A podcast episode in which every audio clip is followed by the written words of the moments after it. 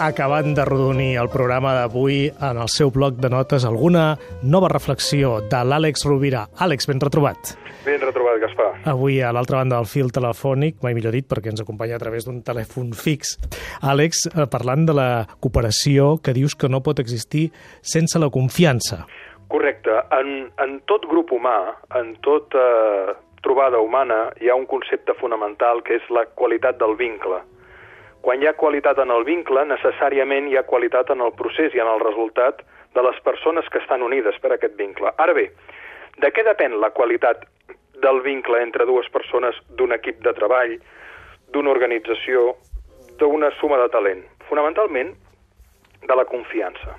Si pensem en aquelles persones que ens han generat al llarg de la nostra existència i no només cal que ens referim a l'àmbit professional, sobretot ens serà més fàcil si ho portem a l'àmbit personal. Si pensem en aquelles persones que ens han generat alts nivells de confiança i pensem en què passava en el vincle, ens adonarem que la confiança genera molts béns. Un d'ells, fonamentalment, és la intimitat. I no em refereixo a la intimitat eròtica, em, em, em refereixo a la intimitat que neix d'obrir-te a l'altre o de dir-li fins i tot allò que no t'agrada, allò que no estàs d'acord, allò en el que pot millorar des de la màxima voluntat de respecte. El respecte és el que genera la confiança i la confiança, curiosament, reforça el respecte i ens porta a la intimitat en un cercle virtuós a través del qual cada cop el vincle és més fort i cada cop ens podem dir les coses amb més franquesa, sense la voluntat de ferir l'altre, sense por de que l'altre se senti ferit, però fins i tot en un vincle professional d'alta confiança pot sorgir una poderosa amistat.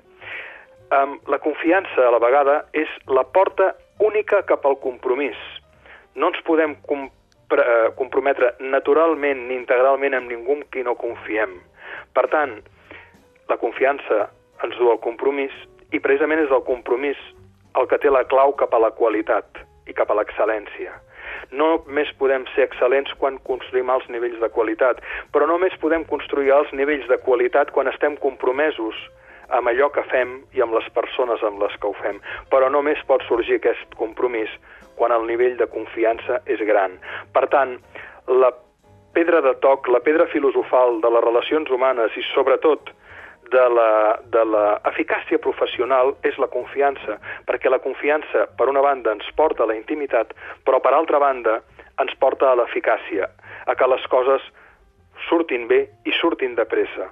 Per tant, valdria molt la pena plantejar-se a les organitzacions, sigues quina sigui la seva naturalesa i objecte, què podem fer per generar els nivells de confiança, perquè naturalment aleshores tindrem els nivells de compromís i els nivells de qualitat. La pregunta al milió, Àlex, que si et sembla ens quedaria pendent per la setmana vinent, perquè no ens queda de temps, Magnífic. és eh, quin, bé, com, com ho podríem començar a introduir en, el, en les organitzacions. No? Sobre això tu tens experiència. Som-hi.